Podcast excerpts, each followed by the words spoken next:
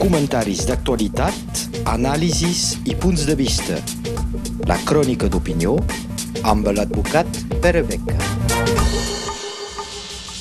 Tenim amb nosaltres eh, Pere Beca. Bon dia. Bon dia. Avui ens eh, parlaràs de la situació actual dels polítics catalans processats. Quina és la seva situació? Doncs, eh, com ja se sap, Espanya ha portat endavant un canvi eh, de legislació molt important. Eh, recordem que les condemnes a la presó eh, de Junqueras, Forn i tots els que van estar a la presó durant més de dos anys era en base del delicte de sedició. Delicte que eh, generava una condenació que podia anar fins a 14 anys i que s'hi podien afegir altres condemnacions, 14 anys a presó. Però aquest delicte de sedició no existia en cap altre país d'Europa Occidental i, i en pocs països del món en realitat. És per aquesta raó que tant Bèlgica com Alemanya van refusar la demanda d'extradició que s'havia fet en contra de Carles Puigdemont per mm, no tenir una base legal de delicte en el seu propi país. La sedició no existeix a Alemanya, no existeix a Bèlgica, Alemanya més és un país, eh, una república federal, i per tant aquest delicte no existint, aquests països, els jutges d'aquests països, podien considerar que no hi havia raó per permetre l'extradició d'un polític que sigui processat per aquest motiu. Ara la situació ha canviat, és a dir que el govern espanyol, i fins i tot l'estat espanyol com tal, ha suprimit aquest delicte de la seva legislació. És un progrés indiscutiblement de cara al funcionament democràtic. Però, per tant, no queda resolta la situació, no queda clar, perquè hi havia una sèrie de delictes, els juristes diuen connexos, és a dir, delictes ajuntats, que eren els de rebel·lió. La rebel·lió és no acceptar de presentar-se davant la justícia, per aquest mateix motiu, i el delicte de prevaricació. Prevaricació és utilitzar diners públics per un interès que no sigui considerat com un interès públic. Les dues coses poden generar penes de fins a 8 anys de presó.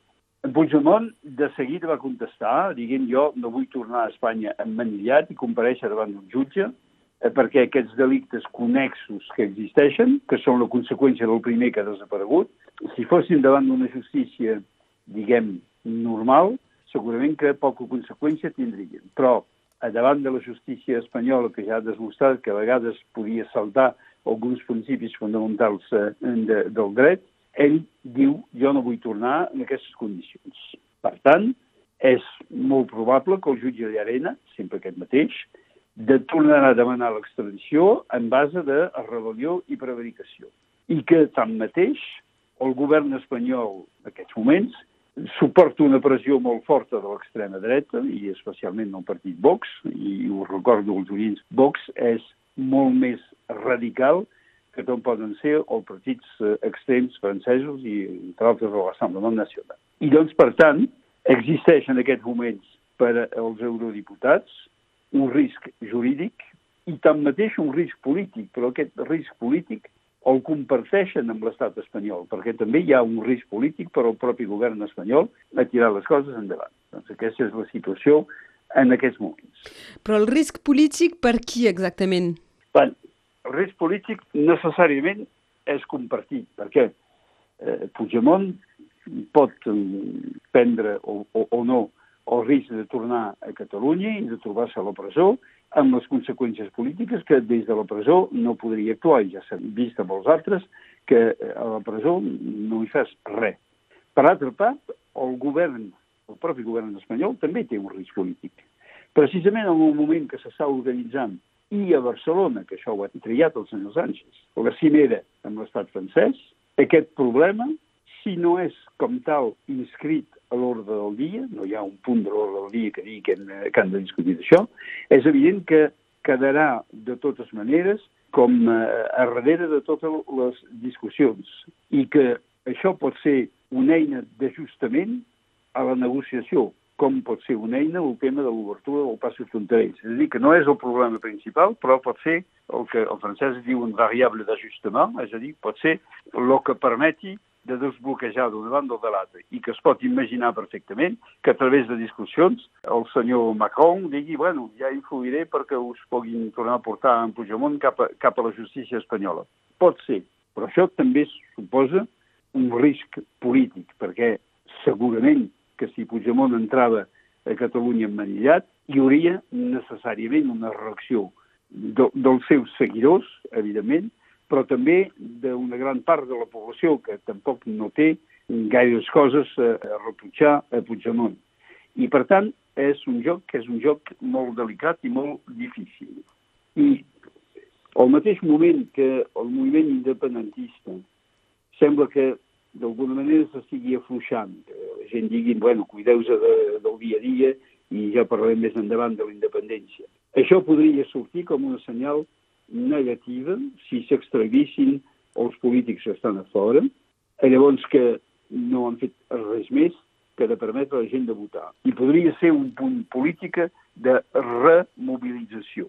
I si, de fet, hi ha el tema de la prevaricació, en cap manera es diu que Puigdemont ni ningú dels altres ho ha fet servir per si mateix, per la seva butxaca, per la seva fortuna personal, sinó per permetre l'expressió eh, d'una voluntat política. I, per tant, això podria ser un punt mobilitzador en un moment que falten els punts mobilitzadors a Catalunya. Ara, concretament, eh, què poden fer eh, aquests polítics? Bueno, és difícil saber-ho, perquè, eh, evidentment, la, la, els elements de, de discussió són molt, molt diversos. Primer, hi ha el fet que el seu mandat polític de parlamentari europeu s'acabarà d'aquí eh, dos o tres anys i que la producció que sortia d'aquest mandat, l'immunitat, aviat s'esgotarà, se'n quedarà sense efecte. I amb el desacord polític que existeix entre els partits independentistes i especialment entre Junts i ERC, no és gens segur que puguin tornar a ser votats com diputats europeus. Va ser en una situació política donada en el seu moment, però ara ja veurem a la primavera a les eleccions municipals si Junts i ERC no hi van conjuntament, possiblement hi haurà una desvetllada del moviment independentista. I doncs, això pot ser molt preocupant per eh, Puigdemont i per als seus. Segona, s'ha de subratllar l'habilitat diplomàtica del senyor Sánchez, s'ha de dir.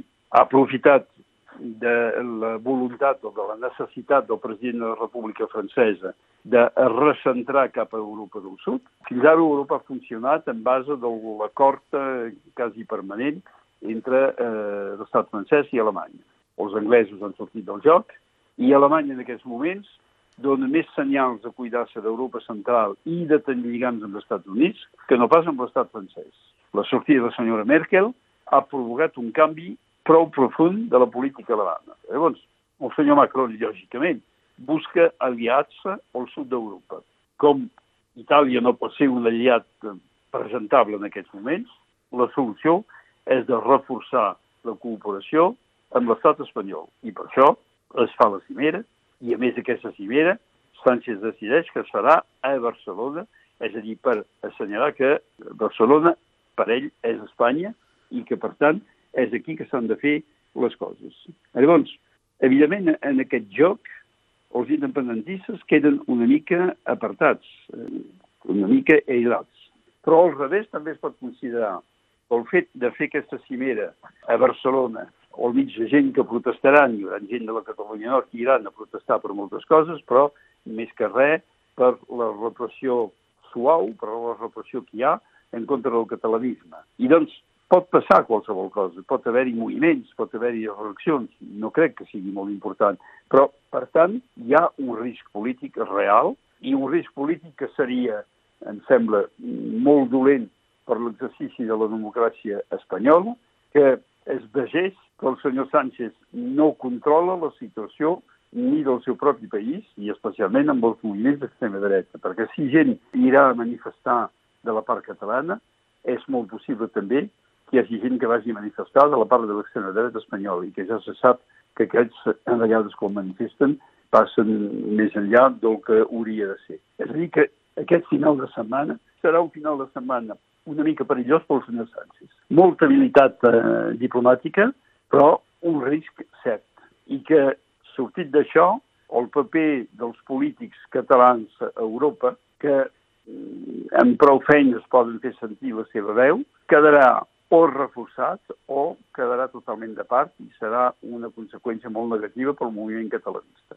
Això de moment no ho podem saber, però sí que eh, s'ha de ser molt vigilant per la lluita. Evidentment, eh, ho anirem seguint. Moltes gràcies, Pere Beca. Comentaris d'actualitat, anàlisis i punts de vista. La crònica d'opinió amb l'advocat Pere Beca.